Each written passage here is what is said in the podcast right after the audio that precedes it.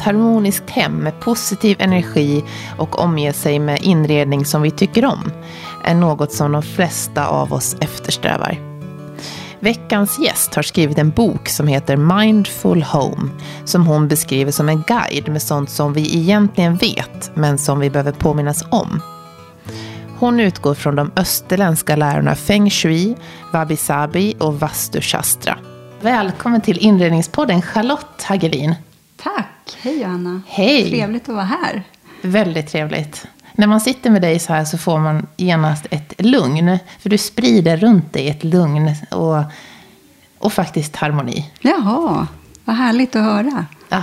Och du är ju aktuell med boken Mindful Home. Mm. Och eh, när vi sågs för några veckor sedan så, så beskrev du den här nya boken som du kommer att ge ut nu som en guide med sånt som vi egentligen vet men som, som vi behöver påminnas om. Mm. Precis. Vi har ju en eh, inre kunskap som ligger djupt och långt tillbaka. Och den finns in i oss. Vi behöver bara lyssna lite inåt. Och också att boken som jag skriver är egentligen inte någonting jag lär ut det här i. Utan det är att jag påminner om det du redan vet. Hur ser din bakgrund ut för de som inte känner till dig innan? Ja, eh, jag kan säga att större delen av mitt yrkesliv har jag jobbat med holistisk hälsa. Eh, alltid varit intresserad av eh, helhetskonceptet hälsa. Holistiskt, är det när man är, alltså man ser till allting? Mm, ser till Helhetsbilden. allting, Precis. Och hur vi skapar ett liv där vi mår bra. För att jag har jobbat med friskvård då, och då är det flera bitar som vi behöver för att må bra. Och alla bitar är lika viktiga. Och hitta en balans i det har alltid fascinerat mig och, och verkligen intresserat mig. Och parallellt har jag också då alltid haft ett intresse för inredning som startade väldigt tidigt. När jag var, alltså långt jag kan minnas, så har jag tyckt att det var roligt. Och också lärde känna tidigt hur eh, vi kunde, hur energin förändrades när jag möblerade om. Och du har flyttat, alltså hur många gånger var det nu? Var det- Ja, alltså jag har haft 18 egna hem, men jag har flyttat 24 gånger. Brukar jag säga. Men Ja. det har varit också att vi har mellanlandat mellan två hem. Men då har vi inte haft, behövt haft med oss alla våra möbler in, utan då har vi hyrt något under tiden för att det har dragit ut på tiden om vi har renoverat. Eller vi har fått väntat lite på att flytta in. Så att eh, 18 gånger så har vi flyttat till våra egna hem. Ja, och du är gift med en annan företagare som heter Greger Hagelin. Mm. Och ni har fyra barn. Mm. Man kan ju bara tänka sig alla dessa flytter. Och ni har ju flyttat över hela världen. Ja. Eh, det var väl egentligen, egentligen bara en flytt som vi gjorde när barnen var mindre. Och det var till Los Angeles. Eh, och de andra flyttarna, vi har bott i Barcelona bland annat. Och nu bor vi i Schweiz. Men nu är alla barnen vuxna och utflugna och har sina egna liv.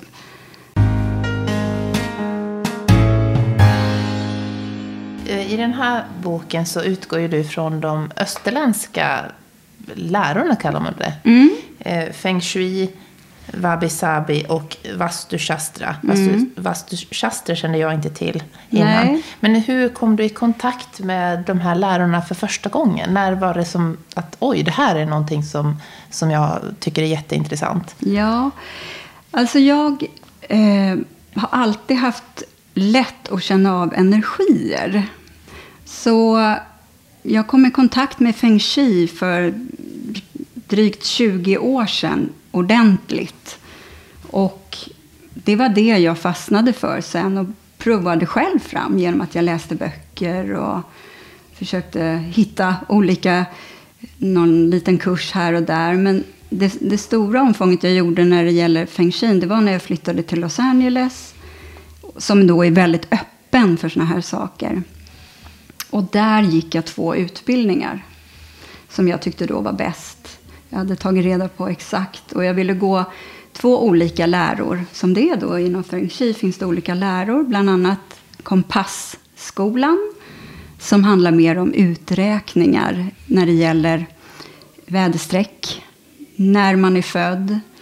När eh, huset är byggt. Och, och helt enkelt, eh, man använder en kompass. För att eh, se hur man kan skapa den bästa miljön. Balans i miljön. Så den skolan gick jag först. Och eh, jag tyckte att den var väldigt avancerad. Den var väldigt bra men väldigt avancerad. Och jag hade svårt att komma igång. Sen hittade jag en annan eh, kurs, eh, utbildning, i Karlsbad i San Diego. Och den var inriktad på formskolan. Det var en kvinna som heter eh, Tara Catherine Collins som har den kursen. The Extension School of Feng Shui. Och där var det verkligen som att jag hittade hem. Jag hade gått den kursen. Tyckte allt bara talade till mig. Och det var egentligen det jag hade hållit på med under alla år. Men nu fick jag så mycket mer. Mycket mer verktyg också. Så att så ser min bakgrund ut inom feng shui. Sen har de andra lärorna alltid intresserat mig. För på något sätt så hänger det ihop. Och det finns vissa saker som skiljer dem åt också. Men eh, i grunden så känner man igen sig. Och det finns så fantastiskt fina eh, kunskaper. Vad är det i feng shuin som du... Som, så vad är det i den läran som, du, som gjorde att du kände att det här, nu har jag hittat hem. Det här är ju något som jag brinner mm. för. Mm. Det är att man jobbar med former och att energin har en speciellt flow i hemmet men också väldigt lätt att applicera själv. Man jobbar med ett verktyg bland annat som heter Bagua. Och det är en slags karta som ser ut som en eh, tre rad, när man spelar tre rad. Just det, den har vi här. Ja, det är nio rutor. Och Baguan betyder egentligen åtta då. Men den nionde som är i mitten, det är centrum. Så det är åtta rutor och centrum. Men det blir liksom tre, tre nio rutor som är en kvadrat. Och den här kan man då applicera på sitt hem. Varje ruta innehåller en livsaspekt. Till exempel kärleksaspekten, eh, karriär, framgång, hälsa och som man kan se här, eh, till exempel som stöd i livet och resor. Kunskap och visdom, familj och hälsa och rikedom och välstånd. Framgång och berömmelse. Så de här kallas för livsaspekter. Och det här lägger man alltså ut ovanpå en ritning på sitt hem med dörren, ytterdörren i eh, nederkant på Bagwan. Så det blir väldigt lätt att se var i hemmet man har sina olika livsaspekter. Så att om, man tar ett, om man tar ett exempel, man lägger ut sin planlösning på den här Bagwan. Mm. Och så ser man i hallen då, ja. så hamnar man på den där svarta rutan. Livsväg och karriär. Ja, hur ska mm. man tänka då med hallen? Ja, det är så här. Då har ju också varje livsaspekt ett element. Så det är just det elementet, och det här ser man tydligt på den här Bagwan. Den kommer man kunna ladda ner också på min hemsida. Ehm, det är vattenelementet. Och eh, då i boken beskriver jag vad innebär det för... Vad är det för någonting som ehm, man använder då för att lyfta fram vattenelementet? Man har en fontän. Det kan man ha. Man kan ha en, en bordsfontän. Man kan också ha färgen svart. Till exempel en svart dörrmatta. Eh, man kan också ha, eh, man kan också ha eh, föremål som är lite mera vågformade. Os, alltså osymmetriska former. Och man kan ha bilder och målningar med vattenmotiv. Okej, det är så man ska tänka. För jag satt och funderade på den igår. Ja. Jag kände att nej, jag kommer inte riktigt fram till det här, men nu, nu föll poletten ner. Ja, så men det är flera olika saker som man kan jobba med. Ja. Både form, färg och det visuella. Men det finns så många lager i feng shui.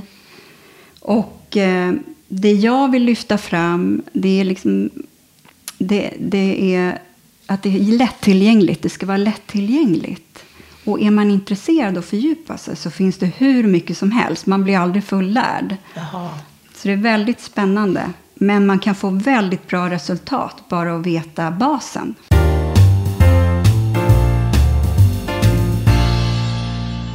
De här fem elementen som, och de här elementen som du pratade om, Ja. eh, som, som feng shui bygger på. Mm. Kan du inte berätta mer om dem? För du skrev eh, i boken så står det att ett hem där elementen är i balans stärker både hälsa och välstånd.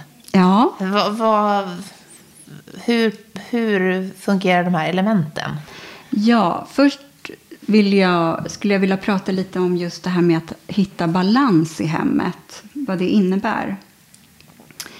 Eh, dels är det då att ha en inredning som är i balans. Och det får, då får vi också stöd i vårt hem. Men det är så mycket mer än så än att bara jobba med elementen.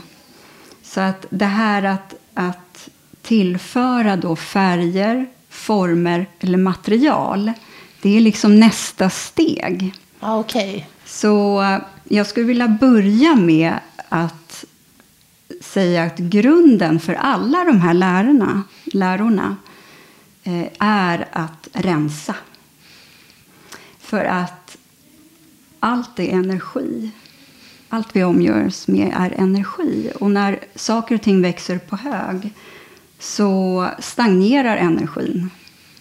Och det kan vi också känna. Att har vi, en, har vi ett överfyllt eh, förråd eller en garderob eller på något sätt överbelamrat område hemma med massa papper och, och, och så vidare. Så det känns inte bra. Och det sa du också att man kan inte bara stänga igen dörrarna för det och tänka att jag lägger det i Nej. soprummet. Tyvärr. Det går tyvärr inte att gömma. Vi vet med vårt undermedvetna precis allt vi äger och har. Det tycker jag var jättedumt, för jag tänkte att det är ju bara att stoppa in pappershögarna i ett skåp och sen är de borta. Så finns de inte. Så enkelt är det tyvärr inte. Och tur är väl det. För att eh, det är alltså också bra att vi ska kunna eh, rensa ut rent fysiskt. Så är det bra för oss att rensa ut och ge iväg sånt vi inte använder. Så att nytt kan komma in. Och det behöver inte vara materiella saker. Utan det kan vara att det öppnar upp för olika Ja, olika möjligheter. Nya jobb, man träffar nya människor. Vi kan också komma på olika saker som vi blir inspirerade av. Och det hänger ihop. Och det tycker jag är så spännande också. I feng shui så pratar, vi också om, pratar man också om yin och yang. Och yin och yang har jättemycket med balansen att göra. För det är eh, två stycken eh, motsättande poler, men som hänger ihop. Så kan man säga. Så yin och yang-symbolen har de flesta sett. Det är den svarta och vita och så går det som en vågformad linje emellan med två stycken runda cirklar. Och det är en helhet, men två olikheter av en helhet. Och de här symboliserar olika saker. Och vi vill alltid, människan strävar ofta alltid efter balans. Så även om det är naturligt att vi är ur balans emellanåt, för så är livet, så är det också viktigt att hitta tillbaka till balans. Så målet som jag skriver om i boken, målet med det är att hitta ett balanserat hem där vi kan fylla på oss själva. Där vi kan känna oss trygga, få energi för att kunna leva ett så balanserat och bra liv som möjligt. Mm. Hur ser man det i praktiken? Det här med balansen Ja, i hemmet. Först då rensa så att vi får eh, bra energier och bra flow och att vi själva inte går och eh, dränerar energi på alla dessa högar eller på ostädade förråd och så vidare. Så grunden är att rensa och sortera. Sen kan vi titta på varje rum. Hur skapar vi balans i rummet? Det där har vi inom oss och det tycker jag också är så viktigt eh, som jag beskriver i boken. Att lyssna på ditt hjärta, din intuition. Vad är det som behövs i det här rummet? Har vi till exempel ett helt vitt rum så känner vi att det, är ett ganska, att det blir ganska kallt. Och vill genast in med något ljus kanske, någon varm färg. Eh, någon form som kanske inte är så kantig. Eller också ett trä som balanserar upp. Eh, men framför allt så är det att varje rum hänger ändå ihop i hela hemmet, om man säger så. Så man kan både jobba med hela hemmet, man kan jobba också rum för rum. Men är det viktigt att ha ett, en röd tråd i ett hem? Eller kan man tänka att men ett rum, där ska jag ha precis något helt annat? Om det är viktigt för dig så är det helt rätt. Mm. För vi är alla så unika och så olika. Och det är också viktigt att komma ihåg att feng shui är inte en inredningsstil. Och eh, det är härligt att vi är så olika. Och vissa är minimalistiska och vill hålla det väldigt strikt. Och andra är mera samlar på sig saker och tycker att de får energi och kraft och kreativitet av det. Så det finns inget rätt eller fel där, utan det är bara individen som bor där som kan avgöra.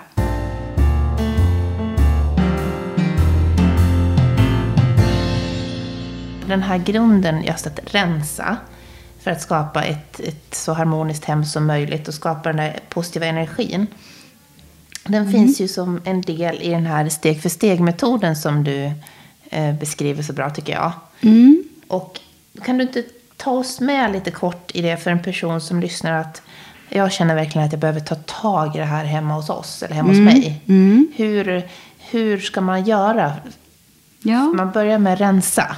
Ja, precis. Och jag tycker att man behöver inte ta sig vatten över huvudet så att säga och göra för stort projekt om det är så att man vet att jag har inte jättemycket tid så kan det räcka med att börja. Börja med en liten, börja med en låda.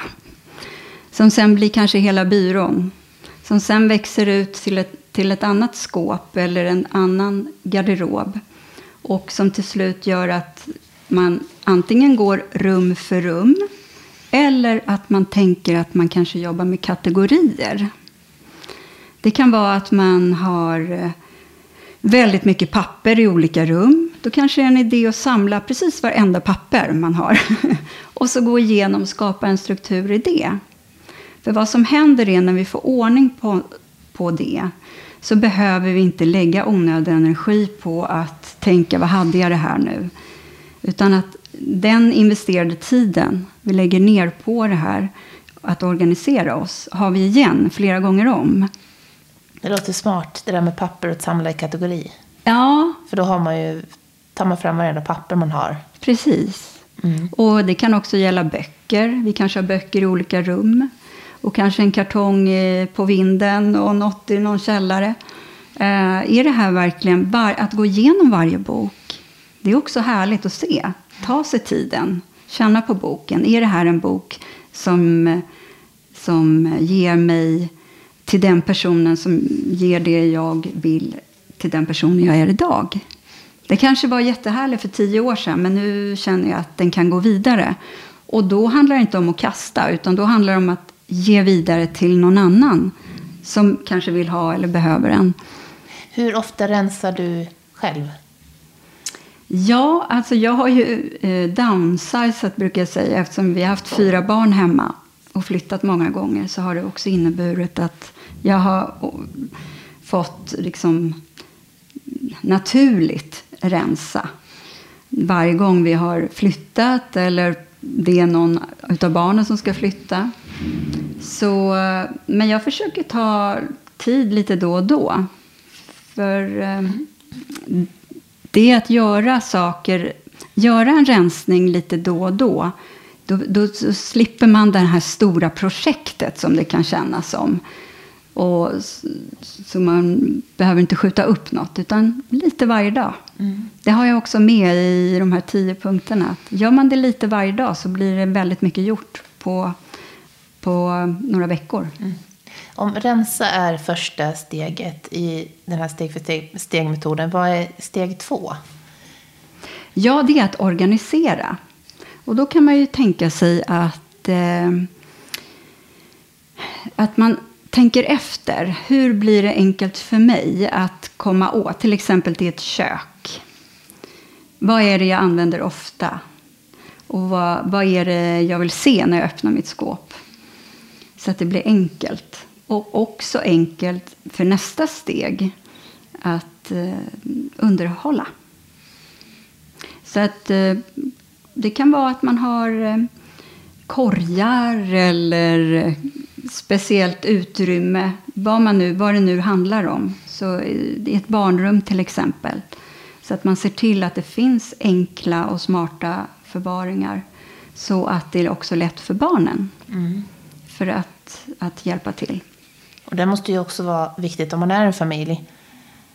Då, då blir det ju inte bara en person som Nej. ska... Då ska man ju fixa så att det funkar för alla då. Ja, precis. Och det måste ju vara en utmaning. Det kan vara en utmaning, för vi har alla olika gränser eller olika nivåer på vad vi tycker är organiserat. Och, eh, där kan man ändå tänka, till exempel om man är sambo, man är två i ett hem och man själv då vill ha det väldigt organiserat och kanske ens partner inte är så organiserad så är det inte bortkastat att man själv ändå på de sakerna man kan kontrollera över kan ha den nivån som man vill. Och sen så får man försöka inspirera den andra genom att berätta vissa saker. Att ja, men gör vi det här så kan det faktiskt underlätta för oss. Och det är jätteviktigt att rensa och motivera varför. Jag tänker på, i ditt hem med fyra barn. Mm. Hur, hur har du gjort för att barnen ska vi vet ju alla hur lätt det blir ett kaos i en hall. Mm. Med alla vantar och mössor och skor och allt. Jag kan känna mig ibland att jag bara ger upp. Ja. Det är, ju, det är ju inte att man ska ha en militant ordning hela tiden. För det är ju i princip omöjligt om man har barn att det hela tiden, för det är kompisar som kommer hem och det är liksom, händer ju saker hela tiden, vilket i sig är jättehärligt. Så att det ska ju vara ett levande hem. Så det handlar inte om att, för då blir ju det en stress om det ska vara liksom militant ordning på alltihopa.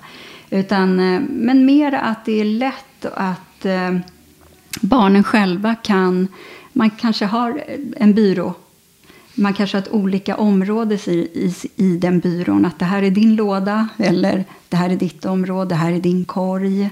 Så att de vet det. Eh, eller vad som fungerar just för den familjen. Det där vet man också. Det är det som är så viktigt. att Tänk efter. Du har, man vi har det inom oss. Mm. Det är ju skönt. Skönt ja. att höra.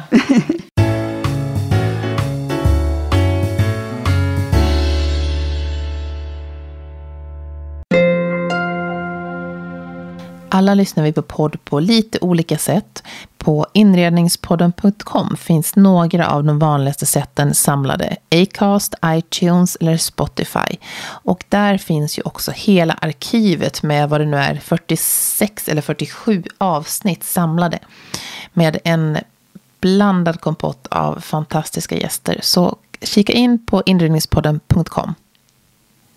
Följ även Inredningspodden på Instagram där vi finns under ett inrednings podden och på Facebook ett inredningspodd. Där kan du skicka meddelanden, önska gäster som du skulle vilja lyssna på eller se korta filmer från varje avsnitt. För samarbeten och sponsring, mejla till info.joelhome.se. Efter när man har rensat, man har organiserat, Mm. Vad kommer då? Underhåll. Ah. Ja. Och det är ju att underhålla, då, då, kan man säga förenklat att var sak har sin plats. Och tänker man så, så är det lätt att underhålla. För då vet man vad, vad allting ska gå när det är dags att plocka undan. Och också när, det, när, man, vill ha åt, när man vill komma åt något. Och då eh, så får vi också... Vi får inte, utan vi, eh, det blir lätt att eh, hitta. Och då spar vi massor av energi än att springa och leta och bli irriterade på varandra och så vidare. Ja, jag instämmer helt. Jag ja. känner att det är sån där ja, irritationsmoment ju i vardagslivet. Ja, precis. Och det är det vi vill försöka undvika så långt som möjligt. Mm. Och sen när man har underhållit, finns det mm. någon mer del då? Ja, då har vi två steg till. Ja. Och det är det här som jag då kallar för Life Design Home. För att eh, det är två saker som egentligen inte har så mycket med den organiserande delen att göra. Utan mera för att öka välbefinnandet i hemmet. Och också titta på mm, vad, vi, vad vi vill med vårt liv. Så den delen är att vi kan skapa ett område i, i vårt hem. Helst i centrum, i mitten. Men det kan vara vad som helst, vad du tycker är den passande delen. Eh, som en sacred space. Att ha en plats som du gör ordning med det du verkligen tycker är viktigt och vill belysa i livet just nu. Det kan till exempel vara att du vill göra en resa. Eller att du vill få ett nytt jobb eller att du vill träffa en partner. Då kan man ha ett område som man eh, ehm, alltså dekorerar med olika symboler för det här. Vill man göra en resa till New York så kanske man har en bild på New York eller ett fotografi som man tog vid föregående resa eller om man vill göra en utlandssemester. Så har man något som påminner om det.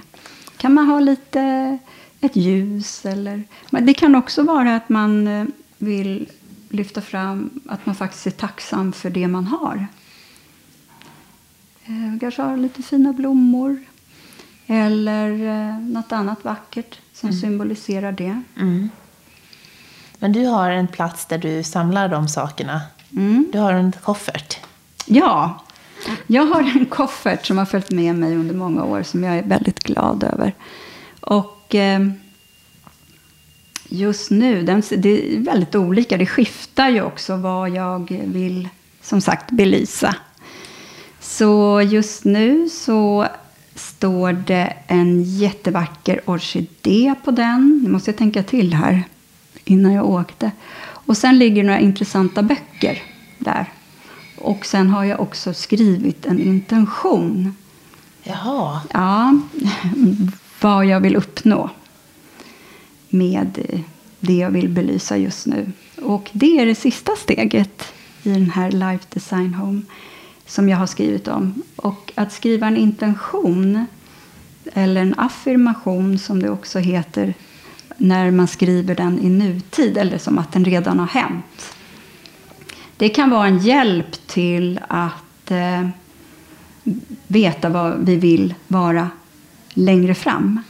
Och eh, när vi skriver ner det, speciellt när vi skriver för hand, så händer det någonting. Eh, att vi drar oss mot det målet. Så att det är ett jättehärligt sätt också att få tag på vad är viktigt, vad vill jag i framtiden? Jag vill nå det här målet. Mm. Och då kan man skriva det och så kan man skriva det här eller någonting bättre. För vi måste lämna ett litet space-utrymme, ett litet utrymme för att faktiskt någonting som vi inte hade ens kunnat tänkt oss skulle hända kan komma. Och, ja, och det här är någonting som man håller för sig själv? Det kan man göra, absolut. I mitt fall så har jag liksom stuckit in det där på infliksidan på en av böckerna. Ja, ja. Mm. Så varje gång jag ser kofferten så vet jag det här. Jag tänker på det. Jag har också ett ljus som står på de här böckerna som jag tänder ibland. Så det blir lite extra. Ja, mm. det ska jag testa. Mm.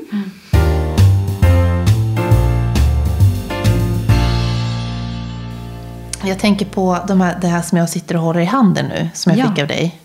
Din kristall. Ja, det måste vi ju prata om. För jag, jag erkände ju för dig att jag har ju varit lite skeptisk Ja. till kristaller. Jag har inte förstått det. Så fick jag den här av dig för några veckor sedan. Och sen har jag ju haft den här vid sidan av min säng i natt till exempel. Jag tyckte den är ju väldigt vacker. Den är väldigt vacker. Men hur, hur ska man använda kristaller i, i sitt hem och, och för sig själv? Ja, det finns ju väldigt många olika kristaller och det finns också och som då har olika slags energier kan man säga. Och i det här fallet då med ametisten så är den lugnande och den är bra att ha om man till exempel har lite sömnproblem. Så kan man ha den bredvid sängen. Och eh, kristaller är väldigt intressant. Det är ju en uråldrig kunskap bakom det. Och jag är bara intresserad för att jag har själv känt att det har hjälpt mig mycket. Och jag tycker att de är vackra också att titta på. Så det finns massor att lära, spännande saker att lära sig om kristaller. För, för det, det du pratade om förut var också det här med att inreda för alla sinnen. Ja. Och det här blir ju ett sinne då, att Ja. kunna ta på Mm. alltså känseln då. Den känns, men också så vibrerar en energi så att du också harmoniserar med den energin. Och det här är ju något vi inte kan se. Och det är också spännande som till exempel med feng shui, som är då vind och vatten betyder feng shui, betyder vind och vatten. Och vind kan vi ju inte se, men vi tror ju på den för det. Likväl att vi, vi kan ju se vattnet, det är väldigt konkret. Men som med vinden då, det är ju precis samma sak med radiovågor. Vi vet ju egentligen inte, vi ser dem inte, men vi, vi tror ju på dem. Och det är så med energier också. Vi lever ju egentligen i ett stort hav av energi, energier. Och även om vi inte kan se dem så finns de. Och alla våra saker vibrerar en energi. Vi vibrerar energi och alla våra saker vibrerar energi. Så att egentligen så finns det många sådana saker som vi kan ta in mer av också. Mm. Tänker på för alla sinnen. Ja, absolut. För du tänder ju gärna doftljus. Mm. Eh, och, och växter vet jag också att du tänker mycket på. Mm. Jag tycker överhuvudtaget att vi ska tänka lite mer på att vi är ju en del av naturen och mår också bra utav att vara i naturen. Men vi kan också ta in naturen. Och det kan vara allt ifrån växter till stenar till att ha vatten i någon fontän, en liten bordsfontän. Ehm, till också ha motiv av naturen. Vad som än inspirerar, det är också väldigt olika. Där får man känna efter själv. Mm. Det känns ju egentligen väldigt logiskt eftersom vi är ju ett djur. Mm. Och att vi eh, ska ta in Mm. naturen i vårt hem blir ju, är ju egentligen ganska självklart. Ja. Fast vi inte tänker på det eh, så ofta. Nej, precis. Vi är ju verkligen en del av naturen. Så jag tycker, jag tycker det har kommit ett ord som är så härligt. Så istället för solbada så kan man skogsbada. Det tycker jag låter så härligt. Gå ut i skogen och skogsbada. Ja, det var ett jättefint ord. Mm.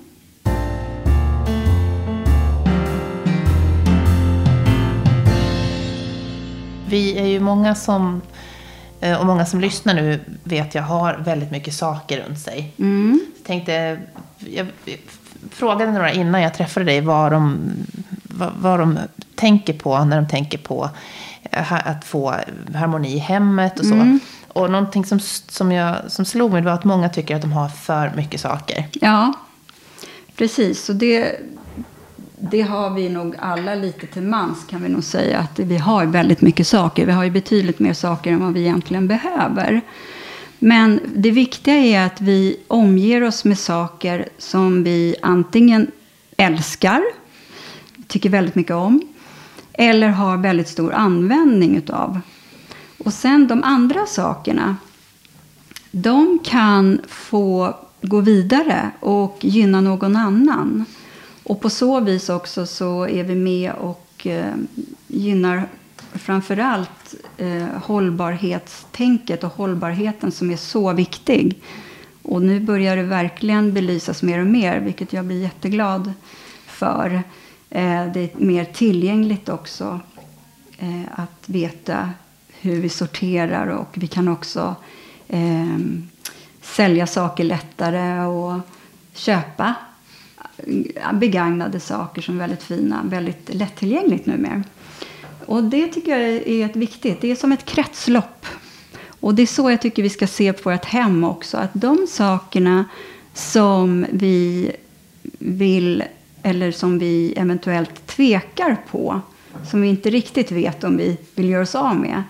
Om vi ser istället på de sakerna som att åh, den här tycker jag så mycket om, men jag har två utav den. Därför så kan, vill jag ge iväg den här, för jag vet hur mycket jag tycker om den. Och att man ger bort också någonting med, med kärlek. Det behöver inte bara vara att jag vill inte ha den. Eller äh, jag, den får ligga här så länge. Utan det finns något fint också att ge. Någonting som man tycker om. ja. Och sen har man de där sakerna som man har ärvt efter farmor eller mormor eller så. Ja. Som man har så svårt att göra sig av med. Ja.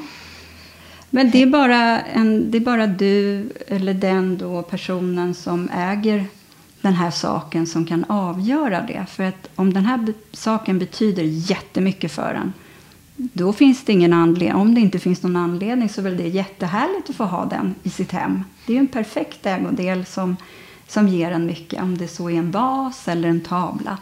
Har vi däremot liknande saker som inte som vi bara har för att vi har dåligt samvete så att vi inte kan skänka iväg den.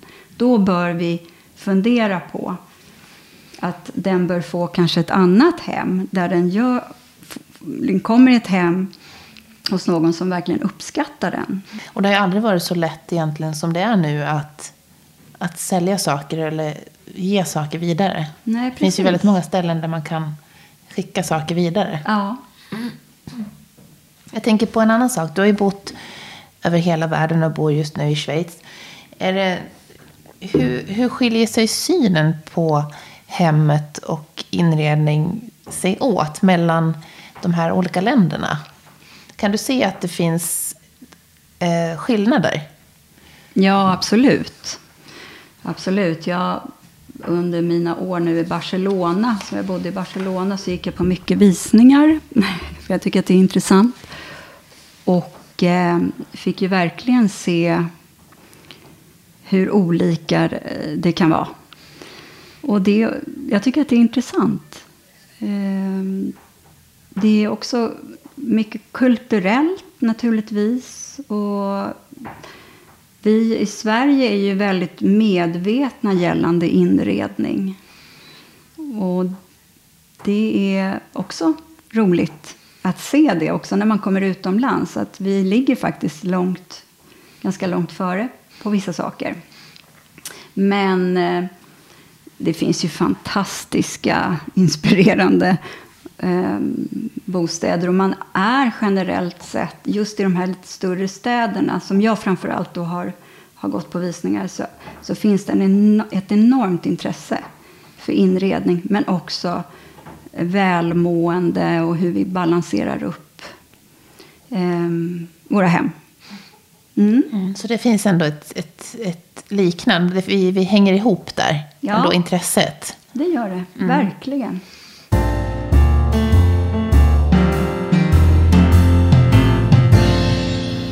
I Sverige är vi ju inne i en väldigt mörk period nu. Vi har lite sol mm. och det är ganska mörkt.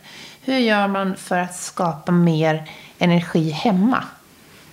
Ja, och det här kommer ju ofta naturligt till oss. Det här är så intressant för att när den här lite mörkare perioden kommer, vad är det vi längtar till och vad är det ofta vi intuitivt gör? Jo, vi tänder ljus, vi bollar upp med lite... Med bullar, som du har gjort. vi eh, boostrar. Vi eh, tar fram lite härliga plädar. Eh, och eh, kanske har lite mera ombonade färger, vad ska jag säga, varma färger på kuddar och gardiner.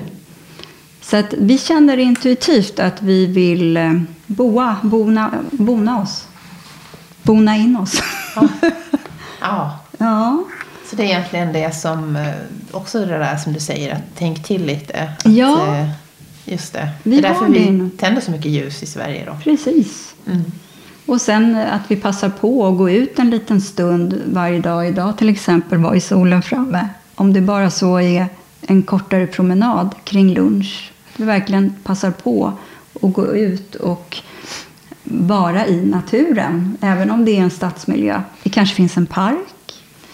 Det bara är att andas in frisk luft. I den här podden får man ju önska en gäst som man skulle vilja lyssna på i ett kommande avsnitt. ja, Finns det någon som du tycker att den här personen? Ja, men precis. Eh, Jag har eh, lärt känna en kvinna som heter eh, Tina Bergsten. Och hon har ett företag som heter Stila Design. Och jag blev så nyfiken på Tina därför att hon jobbar eh, väldigt anonymt. Fast hon har jobbat så länge med inredning, över 20 år. Och gjort stora projekt och hotellprojekt och, och har återkommande kunder, jättenöjda kunder. Så jag, är lite, jag tycker det är så spännande med någon som har gjort så mycket som ändå jobbar så anonymt. Hon har ingen hemsida och hon behöver inte marknadsföra sig. Så det Intressant. skulle jag tycka var intressant. Ja, Få höra hennes resa. Mm. Jätteintressant. Det är också någonting som, som jag tycker är lite spännande när det blir gäster som är ganska anonyma Mm. för den stora mängden lyssnare. Ja, precis.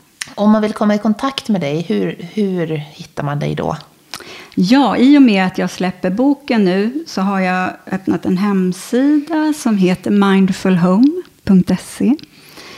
Mindful Home har också ett Instagram som heter Mindful Home the Book. Där kan man följa mig. Och just nu är det inte så många inlägg, men det ska bli. och eh, jag ser fram emot att eh, få möjlighet att eh, lägga upp eh, olika, ja, olika inspirationer från boken, men också lite nytt. Eh, I, I februari kommer jag också ha en workshop kring boken. Så det startar jag upp med första då den 8 februari. Så kommer jag ha en workshop som sagt kring boken. Som kommer vara öppen för alla. Som kommer vara öppen, ja. Vi, vi får se hur många vi kan ta emot, men eh, det kommer vara jättespännande. Då ska vi ta steget vidare, men ut, med utgångspunkt från boken. Intressant. Mm. Tusen tack Charlotte. Ja, men tack själv. Det har varit jättekul.